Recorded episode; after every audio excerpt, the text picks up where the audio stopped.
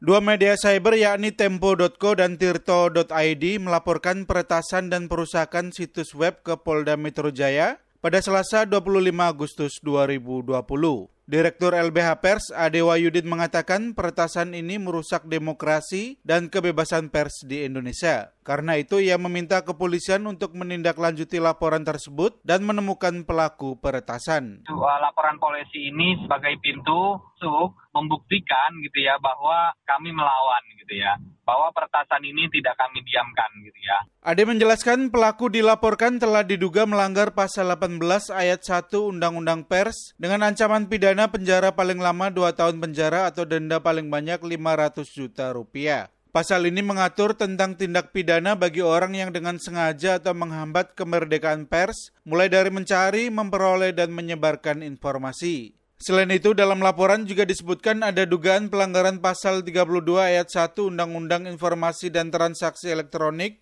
dengan ancaman pidana penjara paling lama 8 tahun dan atau denda paling banyak 2 miliar rupiah. Sekjen Asosiasi Media Cyber Indonesia atau AMSI Wahyu Diatmika membenarkan ada empat anggotanya yang melapor mengalami peretasan. Dua di antaranya adalah Tempo.co dan Tirto.id, sementara dua lainnya masih dirahasiakan. Diatmika mengutuk peretasan yang dilakukan pelaku terhadap media cyber karena dapat menutup akses informasi publik yang diproduksi media.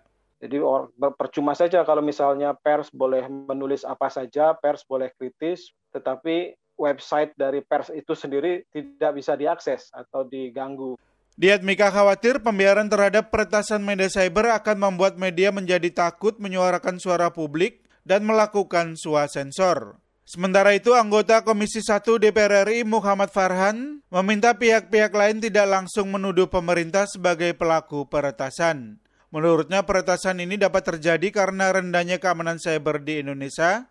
Salah satu penyebabnya itu kurang maksimalnya peran Badan Cyber dan Sandi Negara atau BSSN dalam menjaga keamanan cyber di Indonesia. Kata dia beberapa penyebabnya antara lain kurangnya anggaran, sumber daya, dan teknologi yang canggih bagi BSSN.